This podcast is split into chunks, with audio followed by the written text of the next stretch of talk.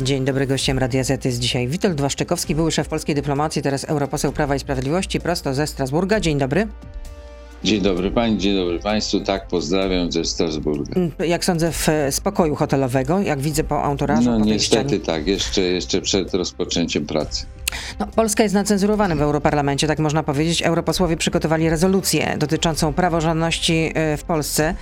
No i wzywają do ukarania naszego kraju przez dalsze wstrzymywanie akceptacji dla krajowego planu odbudowy. Wizerunkowa porażka, można powiedzieć, Polski w Unii Europejskiej. Nie, odwracam tę sytuację. To nie jest e, Polska na cenzurowanym czy wizerunkowa porażka. To jest problem mm, Unii Europejskiej, która czy, czy instytucji Unii Europejskiej, szczególnie dwóch komisji i Parlamentu Europejskiego, to są dwa ciała, które wychodzą poza swoje uprawnienia traktatowe. I Polska wraz z kilkoma innymi krajami, jak Węgry, Słowenia, ale też politykami z zachodniej Europy, ma odwagę jasno przeciwstawić się i przypomnieć to. To są działania pozatraktatowe, to są działania poza prawem mm, europejskim, poza prawem Unii Europejskiej. No tak, panie Paradoks ministrze, ale po raz pierwszy w historii zdarzyło się, że zdanie, sąd państwa para- członkowskiego paradoks. e, e, stwierdza, że traktat Unii Europejskiej jest niezgodny z konstytucją krajową. Przynajmniej niektóre No zapisy. ale, Tego ale wcześniej nie tak było. Sąd, tak sąd nie, y, nie stwierdził. To jest kolejny fake news. Jak to Problem nie polega stwierdził? na Właśnie tym, stwierdził, że, że niektóre No, zapisy nie. traktatu e, europejskiego Nie. są niezgodne z polską konstytucją.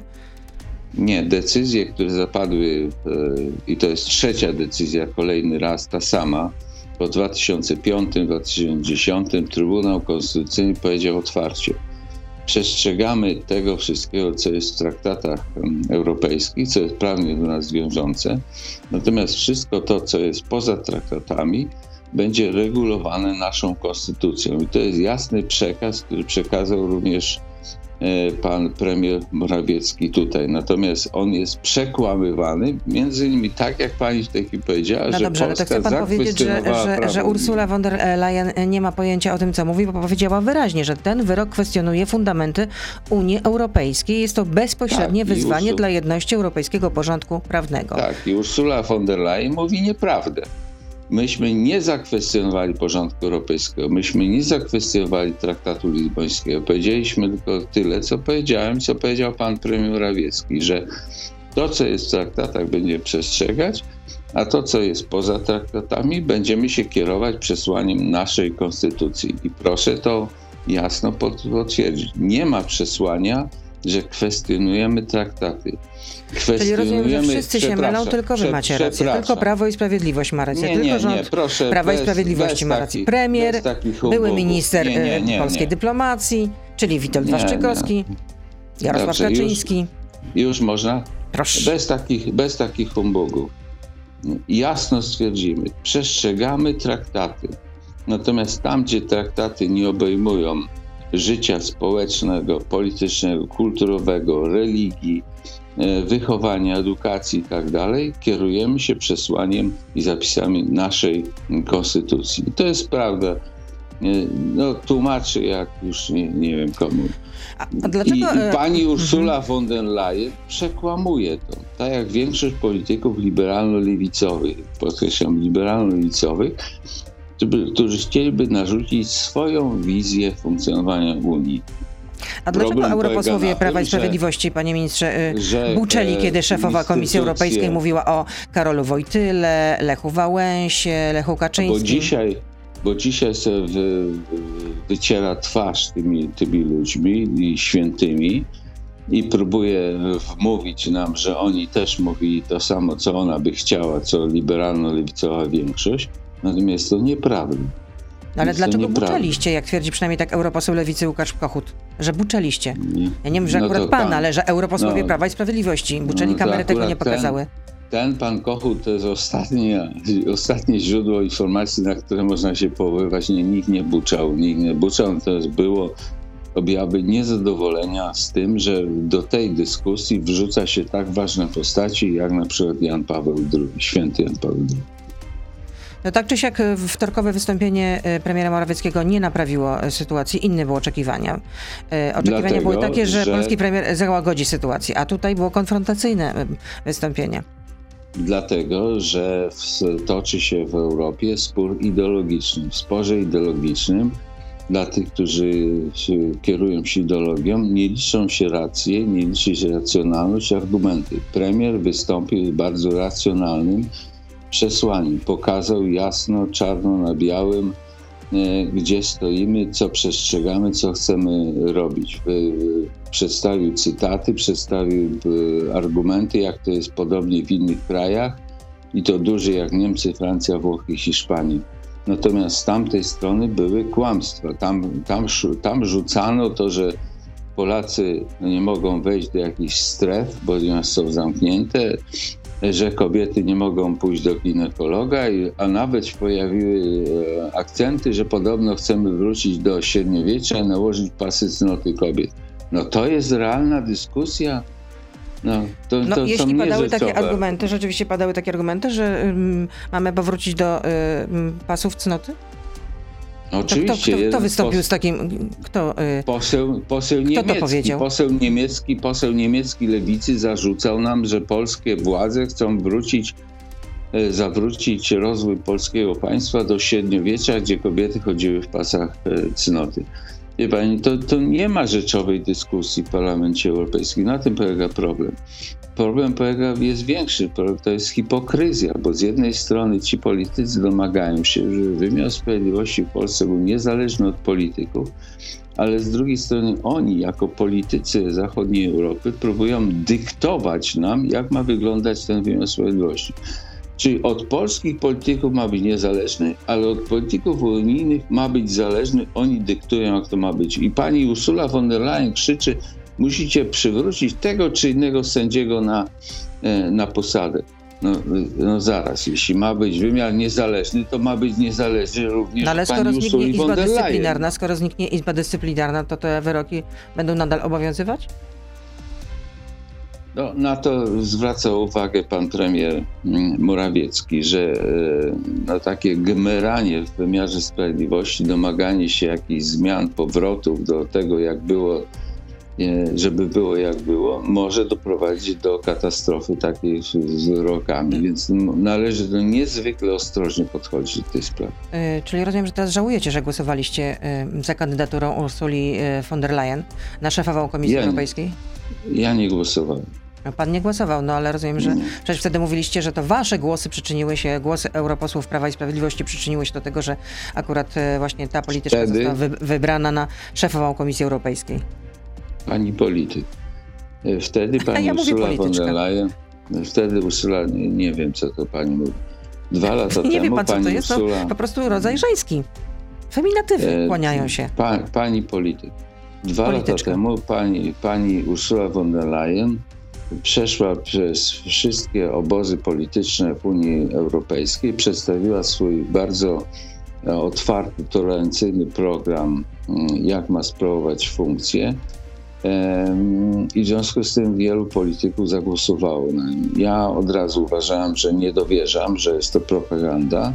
No i tak się stało. Natychmiast potem wyszło z e, tak zwane szydło z worka pani Ursula von der Leyen uznała, że jej mm, komisja już nie będzie tylko polityczną jak komisja Junckera, a będzie geopolityczną. I dzisiaj mamy takie kwiatki jak to, że Unia Europejska chce się wtrącać nawet w prawo Teksasu.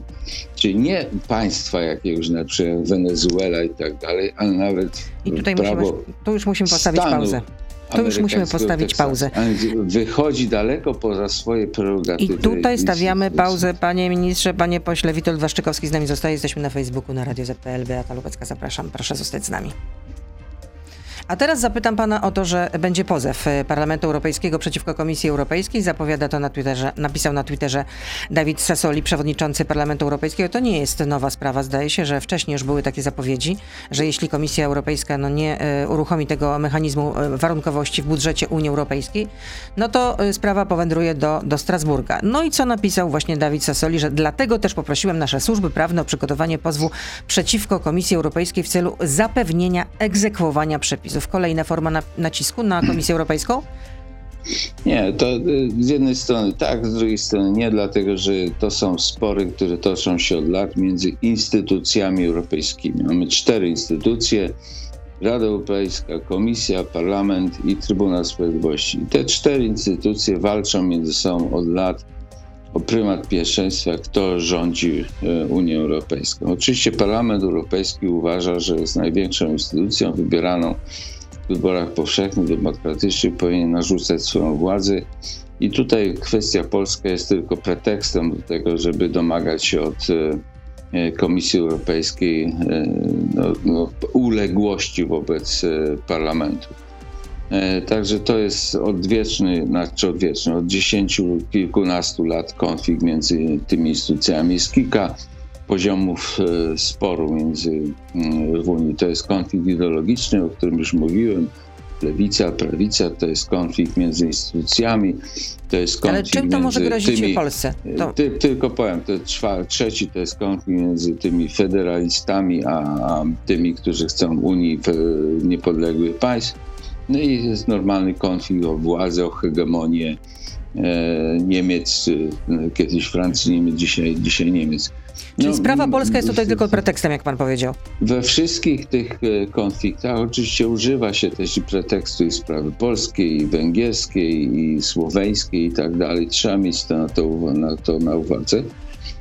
Paradoksem jest to, jak powiedziałem, że my bronimy akurat prawa europejskiego, my ściśle stoimy na na bazie przestrzegania traktatu europejskich. Traktaty europejskie mówią o tych czterech swobodach. Swobodzie przypływu ludzi, towarów, usług, kapitału. I na tym zasadza się Unia. Natomiast olbrzymia ilość sfery życia politycznego, społecznego jest nieobjęta żadną regulacją unijną i powinna być pozostawiona w sferze państw narodowych. Natomiast instytucje europejskie mają ambicje, żeby wchodzić w te sfery i zawłaszczać religię, kulturę, obyczaje i tak dalej. No i jesteśmy przykładem tutaj tych sporów. No ale istnieje e, realna groźba, realne niebezpieczeństwo, że te e, środki e, z Funduszu Odbudowy na Krajowy Plan Odbudowy zostaną wstrzymane. Na dobre. Zostaną zamrożone. No, one są, one są wstrzymane. Ale zostaną zamrożone. Natomiast... Że nie dostaniemy ich do końca roku i nie wiadomo kiedy no. je dostaniemy. No tak, no ale to komisja złamie prawo europejskie. A wypłaty z unijnego budżetu też mogą być zamrożone? No nie mają prawa być zamrożone, dlatego ja powiedziałem, to byłoby, by oznaczało złamanie prawa europejskiego, dlatego że pieniądze, które przychodzą z budżetu europejskiego są rekompensatą ekonomiczną za otwarcie naszych, naszych rynków. E, proszę sobie zwrócić, proszę zwrócić uwagę, że przecież mamy w Europie tak zwanych płatników netto, którzy rzekomo dopłacają do budżetu. No to jeśli dopłacają do budżetu, to po co są w Unii Europejskiej? Na czym zarabiają? No, zarabiają na tym, że są silniejszymi gospodarkami i hasają sobie na polu tych słabszych gospodarek jak Polska. Stąd wymyślono fundusze jako rekompensaty, jako równoważnie, że my tracimy w zderzeniu z tymi gospodarkami większymi i dostajemy pełną rekompensatę pieniądze Unii Europejskiej nie są żadną nagrodą za, za, za, to, że jakiś sędzia funkcjonuje, czy jakiś rząd liberalny jest, jest w Polsce czy w kraju. To jest czysto ekonomiczny deal, a nie zapłata za takie czy inne formy rządu. No ale z zapowiedzi na przykład chociażby prezesa Kaczyńskiego e, wynika, że nie zrobimy ani ćwierć kroku, jak powiedział w tył. To jest e, wykluczone. E, no więc co, no, będziemy no blokować no nie, Zielony to, Ład? To jest, będziemy blokować to, Zielony Ład? Jest, to, to nie jest prawdą, bo już premier Morawiecki zapowiedział, że będą pewne reformy dotyczące Izby dyscyplinarnej, być może No ale to wcześniej o tym, że Izba Dyscyplinarna zostanie zlikwidowana, też mówił już e, kilka wcześniej. tygodni temu prezes Dokładnie. Kaczyński, tylko że cały czas tylko o tym się mówi. Kaczyński. Natomiast no, e, no, ale jakoś nie widać ciągle ustawy, konkretnej ustawy, projektu. Dlatego, że robimy to we własnym tempie, nie pod dyktando Unii Europejskiej. Będą też no, ale to wygląda dotyczące... jednak na, takie, na taką grę w kotka i myszkę z Komisją Europejską. Nie Zapowiadamy, myszkę, obiecujemy, tylko... ale ciągle tego nie ma, no. Pani redaktor, szanowni państwo, ponieważ my jasno podkreślamy, wymiar sprawiedliwości nie jest objęty regulacją Unii Europejskiej, więc jest to wymiar sprawiedliwości, jest to obszar, który my decydujemy, my regulujemy to według własnych zasad i przepisów, w własnym tempie, a nie pod dyktando. I będziemy to robić, więc pole do kompromisu e, tutaj e, jest. No dziś zaczyna się szczyt państw Unii Europejskiej. Mm, w agendzie innymi walka z pandemią COVID-19, czy też agenda cyfrowa, ale też no według zapowiedzi, przynajmniej media tak spekulowały, że premier Holandii ma przedstawić, ma wezwać do wstrzymania akceptacji dla polskiego e, programu Krajowego Planu Odbudowy. Szykuje się ostre starcie? No nie powinno, bo to jest jeden z ostatnich premierów i kraj, który ma prawo ingerować w takie sprawy, to jest jeden z rajów podatkowych. E, to jest premier, który ma własne problemy we własnym e, kraju, więc podnoszenie takich problemów e, wobec kraju zaprzyjaźnionego w końcu w dalszym ciągu uważamy się przyjaciółmi Holandii i zakładamy, że Holendrzy są przyjaciółmi Polski nie, nie powinno być. Tam są, to zwraca też uwagę premier Morawiecki w swoim wystąpieniu dzisiaj w Europie, mamy ważniejsze problemy jak kwestie geopolityczne, bezpieczeństwa, jak energetyka, jak rosnące ceny gazu, mm, energii, jak e, migracje, no dobrze, ale czy, czy po tym wystąpieniu wtorkowym pana premiera Morawieckiego w Parlamencie Europejskim, no jednak atmosfera się jeszcze bardziej pogorszyła i czy to nie, nie spowoduje, że jednak przywódcy państw będą skłonni e, e nie, przyłączyć się do premiera Holandii? Jeśli wystąpi z taką e, inicjatywą? Atmosfera Parlamentu Europejskiego, gdzie są parlamentarzyści, którzy zachowują się jak zachowują, nie przekłada się na zachowanie w Radzie Europejskiej, gdzie są przywódcy państw, szefowie państw i rządów, e, którzy mają swoją agendę, mają na głowie własne parlamenty narodowe i nie muszą, nie mogą działać tak jak Parlament Europejski. No to z czym wróci z tego szczytu pan premier Morawiecki? Z tarczą czy na tarczy? Nie, nie wiem, czy szczyt podejmie jakiekolwiek decyzje, szczególnie w tej kwestii, bo nie wiem, czy to nie od premiera Holandii zależeć będą te decyzje, czy on podejmie, czy, czy szczyt podejmie tę dyskusję, to raczej od Komisji Europejskiej, Ursuli von der Leyen. A to jest za wcześnie, aby po takiej debacie w parlamencie ona przedstawiła jakieś konkretne e, wnioski. E, ja, ja bym chciał, aby, jak powiedziałem, żeby Rada Europejska zajęła się cenami energii, gazu i tymi problemami, bo zbliża się zima. Magazyny europejskie są puste, nie polskie, ale puste, między innymi holenderskie. To oni by sprzedali nawet swoje magazyny Gazpromowi, jak się okazuje. I to są sprawy, które powinny ich interesować. Ja tutaj mam kontakt z, z Belgami czy z Francuzami, którzy nas obsługują na miejscu w Strasburgu, Belgii i oni są zaniepokojeni rachunkami, jakie płacą za energię. To jest problem, który dotyczy, a nie rzekomy polexit czy problem mleka w Polsce, którego nie powinniśmy jeść. No ale polski rząd też mógłby podjąć działania, które obniżyłyby ceny prądu. Natomiast chciałabym jeszcze wrócić do tego, jeśli, że, czy jest taki brany pod uwagę scenariusz, że jeśli e, Unia Europejska, Komisja Europejska odetnie nas od pieniędzy na KPO, to czy my w takim razie nie dostosujemy się do Zielonego Ładu? Będziemy torpedować ten program. E, to są dwa niezależne problemy, dlatego że Zielony Ład, a szczególnie Fit for 55, czy ten program skrajnie ideologiczny jest niekorzystny i tu powinniśmy protestować. Niezależnie czy nam dadzą pieniądze, czy nie. To jest odrębny problem. Będziemy podejmować sprawy, dlatego że to zarżnie konkurencyjność gospodarek europejskich, to jest może trzeciorzędna sprawa, czy będziemy konkurencyjni. To zarżnie nas rozwój, zarżnie nam rozwój gospodarczy, doprowadzi do tego, że wrócimy na drzewa, e, żeby żyć. Więc to jest skrajnie ideologiczny program, który nie ma nic wspólnego z rozwojem gospodarczym. Nie przesadza pan z tym powrotem na drzewa? Nie, nie, prze, nie przesadzam. To, co nam funduje Timmermans w tym programie, to jest skrajna nieodpowiedzialność. To jest katastrofa. No tak, ale planeta woła o pomoc.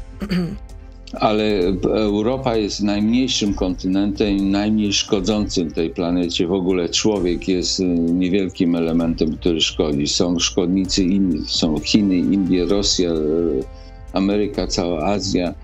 I oni nie będą podążać y, wzorem e, Europy. Już o tym mówią, już o tym mówią na szczytach światowych. Przywódcy chińscy mówią, że nie będą respektować regulacji europejskich, więc nie możemy e, narzucać sobie e, czegoś, który nam, e, czego, co nam będzie szkodzić, a nie pomoże światu. Witold Waszczykowski z nami, były szef polskiej dyplomacji i europoseł Prawa i Sprawiedliwości. Zacznę jeszcze od, teraz od cytatu. Walnij się w ten zatłuszczony łeb. To w taki sposób były szef polskiej dyplomacji, mm, pana następca, mm, Radosław Sikorski, zwrócił się do europosłanki Beaty Kępy na Twitterze. Mam nadzieję, że to nie jest mój następca, to był mój poprzedni. E, poprzedni, przepraszam, oczywiście, że poprzedni, tak, przepraszam. Broń, broń Boże nas przed takimi następcami.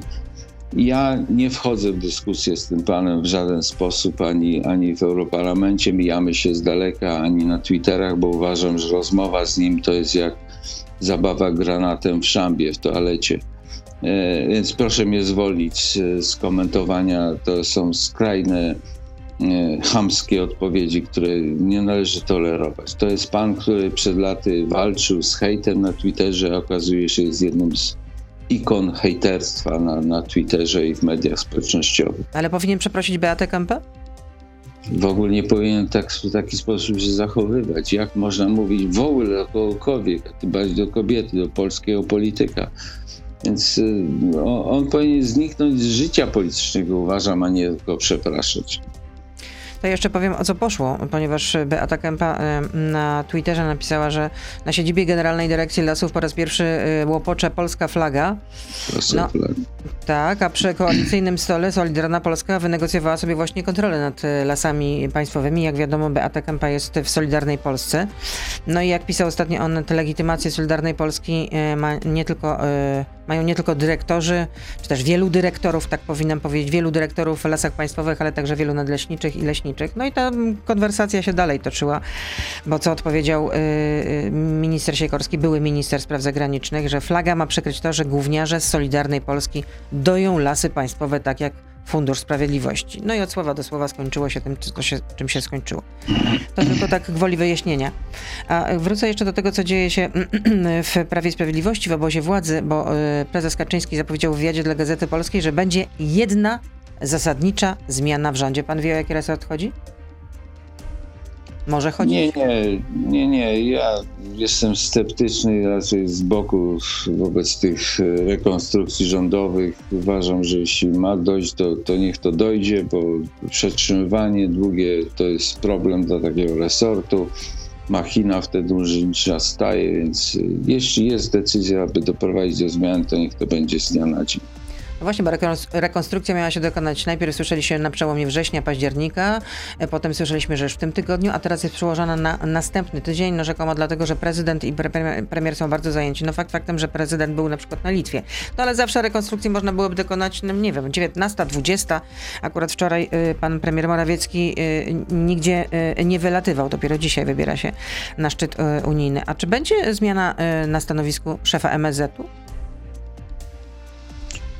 Tego nie wiem, ale dochodzą niepokojące wiadomości na temat zdrowia pana mm, profesora Zbigniewa Rała. Życzę mu jak najlepiej powrotu do zdrowia. Mam nadzieję, że nie dojdzie, że będzie kontynuował swoją misję. Więc tylko tyle mogę, mogę powiedzieć. Bo tak napisali dziennikarze Tygodnika do Rzeczy w takiej rubryce Dwaj Panowie Gier. Tam sugerowali, że może być niespodzianka właśnie, że to może dotyczyć resortu spraw zagranicznych. No jeśli, jeśli to ma być zasadnicza zmiana w rządzie, jak mówi prezes Kaczyński, no to zasadnicza, no to w takim razie szefo, szefostwo No rzeczywiście resortu. resort, Słucham? resort, bezpiecze, resort Ministerstwa Sprawiedliwości jest zasadniczym resortem, no ale ja nie chcę spekulować, jak powiedziałem. E, szczególnie to jest wrażliwy resort, powinien być chroniony, jak najmniej debat, najmniej publicystyki.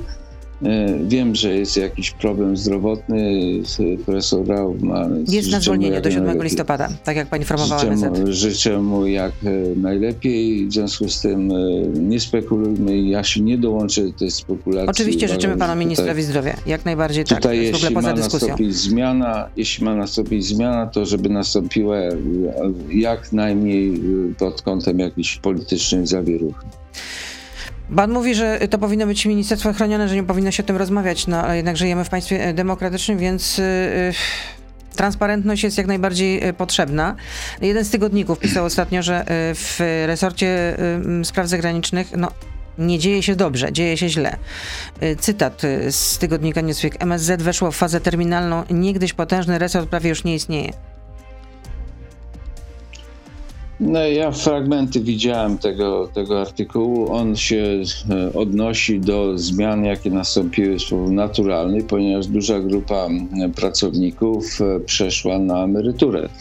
Prosto no tak, niektórzy na przykład zostali, zostali, doświadczeni pracownicy zostali przeniesieni do archiwum. No nie można, bo są właśnie tuż przed emeryturą. No tak, bo nie można ich e, wysłać, jeśli nie, nie doszli do wieku emerytalnego. Przygotowują biuletyny dla IPN-u, a są doświadczeni. To też jest, to też jest ważne. To, to, to, to minister decyduje, kto wykonuje jego politykę zagraniczną. Wiceministrowie mają do tego pełne prawo. Żadne stanowisko w MSZ nie jest stanowiskiem pracy chronionej, czy to jest mniej, czy bardziej doświadczony, więc nie bardzo rozumie tych, mm, tych zastrzeżeń. Natomiast grup, duża grupa odeszła ponieważ osiągnęła wiek 65 lat, to jest wiek ustawowy. Przez lata w MSZ, jak i w różnych innych resortach nie przestrzegano tego i dawano możliwość pracy. No, w tej chwili MSZ uznał, że można skorzystać z tej sytuacji, ponieważ czeka duża grupa młodych adeptów Akademii Dyplomatycznej, których trzeba wprowadzić w życie. Więc e, jest to naturalna zmiana pokoleń, która następuje. To jeszcze jeden cytat z tego artykułu. Ostatni doświadczeni dyplomaci tracą poza tym lub są zsyłani do archiwum ministerstwa. Karierowicze i pociotki ludzi na szczytach władzy czekają na nominacje. W gmachu centrali w Alei Szucha panuje grobowa cisza, w gabinetach szerzą się koterie, wiceministrowie Welsenk, Przydacz Jabłoński rywalizują między sobą, więc rzadko się konsultują. Często działają za plecami ministra Zbigniewa Rała, który pozostawał w ich cieniu. No to są jakieś wewnętrzne opinie z, z gmachu, z, z Szucha, do których ja się nie mogę odnieść, bo trzech lat już tam nie bywam, więc nie będę go komentował. No ale dobrze Jeśli się ktoś... dzieje, czy się źle dzieje pana? No na pewno no, ma tam pan ja jeszcze mogę... swoje jakieś kontakty. Ja, mogę, ja mógłbym skomentować, gdybym miał konkretne przykłady zmian ludzi, tych koterii, kto z kim walczy, przeciwko komu w jakiej sprawie. Natomiast tego typu ploty no, nie zasługują na, na odpowiedź, na reakcję, no bo nie, nie mam do czego się odnieść. No dobrze, ale czy powinno być tak, że stały przedstawiciel Polski przy FAO, czyli ONZ do spraw wyżywienia rolnictwa, nie zna żadnego języka obcego? Nie powinno, raczej powinien znać. Nie wiem, nie znam takiej sytuacji, rzeczywiście nie zna. Czy to znowu jest jakiś donos i tak dalej. No, no Newsweek pisze, że jest to nominat pana prezydenta Artur no, że jest taka nie, osoba. Newsweek, Newsweek zwany też Leesweekiem, jak pani wie, nie jest źródłem informacji szczególnie na temat tego rządu, przedstawicieli tego rządu. No Więc nie. ja bym chciał ja bym chciał Autor tego, tego artykułu napisał to pod imieniem, nazwiskiem, jest to wydrukowane, więc dlaczego pan podważa wiarygodność tego dziennikarza? No bo chciałbym, chciałbym mieć informację, przekazał imię, nazwisko, znajomość języków dokumentowaną czy nieudokumentowaną w Ministerstwie Spraw Zagranicznych poprzez zdanie egzaminów, przekazanie jakichś certyfikatów, studiów i tak dalej. To jeśli napisał, że nie ma, no to trzeba się nad tym zastanowić. Natomiast jeśli na, napisał, że mu się wydaje, czy słyszał, że, że, że nie ma takiej znajomości, no to się nie ma do czego odnieść. To są jakieś jednostkowe sprawy. Pani mi pyta tutaj z, ze Strasburga, ja się odnosił do takich kwestii. No, no ale przecież MSZ to było pana ukochane dziecko.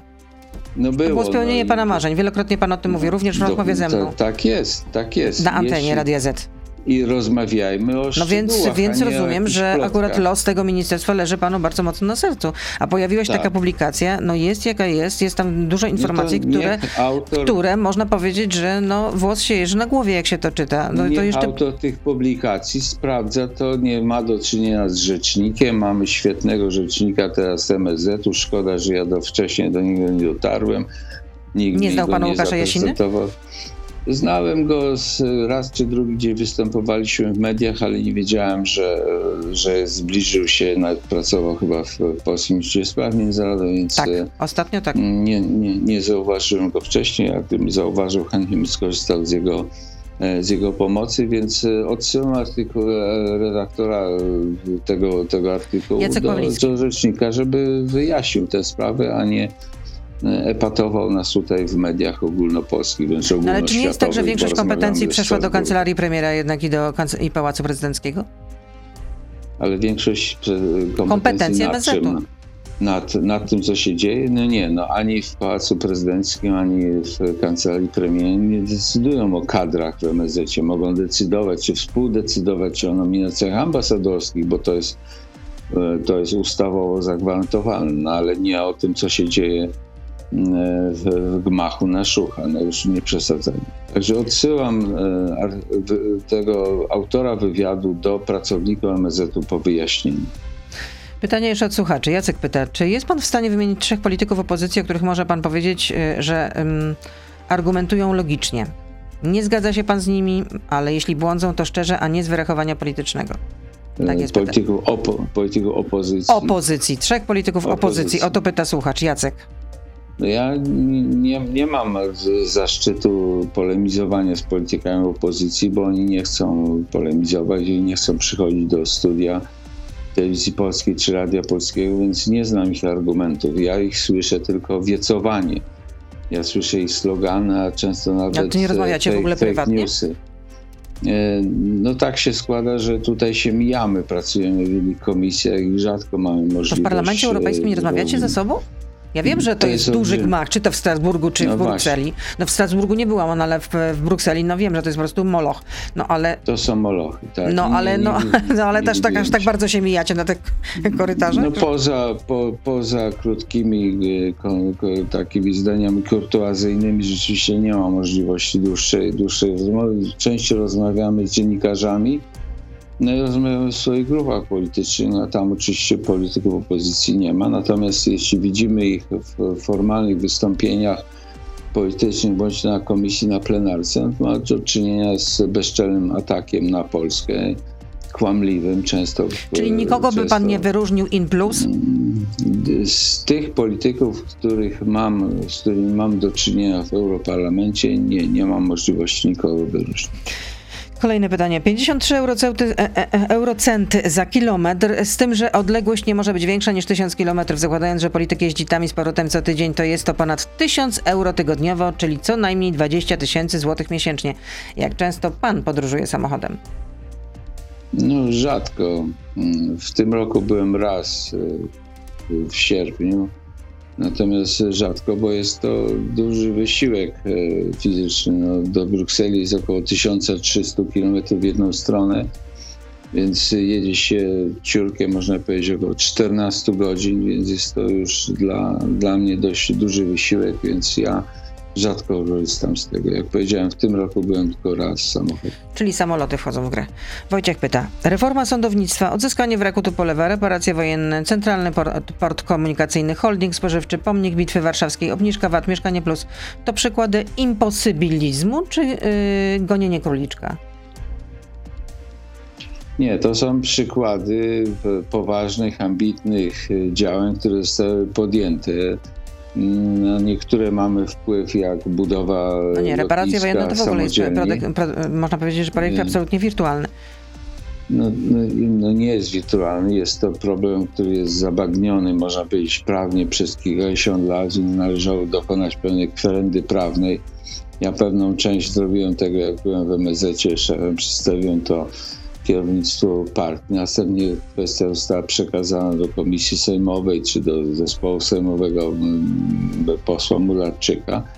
No jak rozumiem, w dalszym ciągu trwają prace nad uszczegółowieniem naszego, naszej skargi, czy raportu, czy e, podsumowania strat, strat wojennych. No i czekamy na decyzję polityczną, czy to kwestia zostanie uruchomiona. Natomiast ewidentnie Polska straciła, Polsce należą się reparacje, natomiast od decyzji politycznej zależeć będziemy się nie ubiegać. Michał pyta, przed rozpoczęciem bieżącej kadencji w Europarlamencie premier Morawiecki zapowiadał, że państwo jedziecie reformować Unię Europejską od środka. Państwo, czy rozumiem, europarlamentarzyści Prawa i Sprawiedliwości. I jakie są sukcesy europarlamentarzystów Prawa i Sprawiedliwości w tym zakresie? No i między innymi premier Morawiecki, występując niedawno w parlamencie, przedstawiając nasze problemy, przedstawił takie propozycje kolejnych reform, na przykład uzupełnienie Trybunału Sprawiedliwości o kolejną izbę składającą się z, z szefów. No dlatego, że w Trybunale Sprawiedliwości nie ma mm, procedury odwoławczej. Czyli tak jak w sądach krajowych jest gradacja sądów, jest możliwość apelacji, mhm. tak to w Trybunale Sprawiedliwości nie ma. Stąd też jest, są te wyroki, które zapadają w bardzo sposób e, kontrowersyjny. To jest jeden z, z problemów. Myśmy stawiali to, od 2016 dobrze, ale... i 2017 roku, kiedy wtedy Ale kadencja rozpoczęła się w 2018 roku jesienią, w związku z tym... 60-lecie traktatów rzymskich, jeszcze rząd pani premier Szydło i ze mną jako minister sprawiedliwości przedstawiliśmy szereg propozycji reform, nawet propozycji nowego traktatu. Reforma Unii Europejskiej może odbyć się tylko i wyłącznie poprzez nowy traktat. I dzisiaj nie ma większości w Unii Europejskiej, aby nowy traktat zacząć tworzyć. W związku z tym nasze propozycje leżą na stole cały czas. Ale sukcesów brak. E, no to nie sukcesów, nie ma woli politycznej. No to sukcesu brak. No, nie jesteście w stanie przekonać do swoich idei sami, po prostu reszty Parlamentu dlatego, Europejskiego, czy też reszty... Dlatego że, dlatego, że z jednej strony są państwa, które chciałyby zreformować Unię Europejską w kierunku naszym, a z innej strony są państwa, które chciałyby jeszcze bardziej ograniczyć nasze prawa. Czyli to nie jest kwestia sukcesu, to jest kwestia paraliżu pewnego, który istnieje w tej chwili w Unii Europejskiej nad dalszą koncepcją rozwoju tego kierunku integracji. A co pan tak nie lubi tych żeńskich końcówek? Że pana nie, tak ubodło, lubię... że polityczka. Co takiego jest złego w słowie polityczka? Ja jestem no, dziennikarką, nie dziennikarzem. Nie ma, nie ma. No, akurat dziennikarka przyjęło się. Tam, gdzie się te nazwy przyjęły, to, to, to jest stosuje. Natomiast no, no źle w uszach brzmią polityczka, socjolożka, jeszcze te to nie są nasze uprzedzenia panie... po prostu? No ja rozumiem, że no, nie, trudno nie, powiedzieć do, do, do, pani premier, pani premiero, no to rzeczywiście brzmi trochę no tak... tak, my, albo no były, a ministra, no, no, prawda, no można, no to mamy ministra. No ale no, polityczka nie widzę w tym nic, jakoś nie wiem, no mnie to kompletnie nie razi, ja nie wiem, dlaczego pana to razi była No ale przecież feminatywy były stosowane mi... E, powszechnie w II Rzeczpospolitej, jeśli mnie pamięć nie Była jedna z pań minister, która chciała się nazywać ministrą, zostało ośmieszone i tak dalej. W języku czeskim na przykład jest premierka, a oni do naszej pani premier mówi premierka. Prawda? To brzmiało śmiesznie. Być może, być może to wejdzie, jeśli Państwo będzie częściej stosować. No właśnie, bo to jest kwestia po prostu pewnych przyzwyczajeń, no, pewnego osłuchania a, się.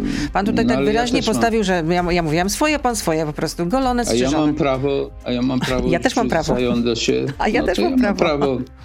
No to ja też mam prawo być przyzwyczajony do siebie i ja nie będę mówił socjolożka, czy archeolożka, czy polityczka. Ale musi mnie pan polityk. poprawiać, Nasze... naprawdę? E, nasze panie poseł, nie ja siebie poprawiam, nasze panie poseł też nie lubią, jak mówi się do nich posłanka, bo to też brzydko się kojarzy i tak dalej. Z posłaniem? Więc, e, nie, nie, no mnie się jakoś nie, nie kojarzy. Czym, no nie właśnie też się zastanawiam, z czym, ale... to może się kojarzyć, że to może brzmieć... No to zostawmy, zostawmy to ludziom, żeby używali tego tak, jak się przyzwyczaili, jak im jest to wygodnie, a nie narzucajmy tego wszystkiego pod względem ideologicznym, bo wydaje mi się, że za tym stoi jakaś ideologia. Nie dajmy się zwariować z tą ideologią, naprawdę. No po prostu feminatywy. No więc właśnie no, też... apeluję, nie dajmy się zwariować i mówmy tak, jak się każdy przyzwyczaił. Dziękuję. Witold Waszczykowski był z nami, były ja szef polskiej dyplomacji, y, europoseł Prawa i Sprawiedliwości. Nieustająco życzę zdrowia. Zdrowia i jeszcze dziękuję raz zdrowia. bardzo. Kłaniam dziękuję. się, dobrego dnia. Życzę. Dziękuję wzajemnie. To był gość Radia Z. Słuchaj codziennie w Radio Z i na player radioz.pl.